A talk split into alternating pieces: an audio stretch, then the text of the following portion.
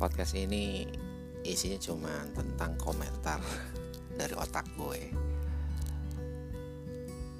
tentang pengalaman hidup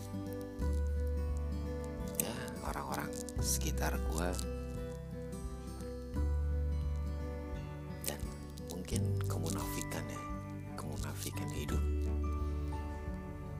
Gue paling gak demen kayak begitu begitu so dengerin juga boleh nggak juga nggak jadi masalah tapi kalau lo dengerin lo pantengin aja terus siapa tahu kita bisa sharing oke okay? make a wise for yourself oke okay? ciao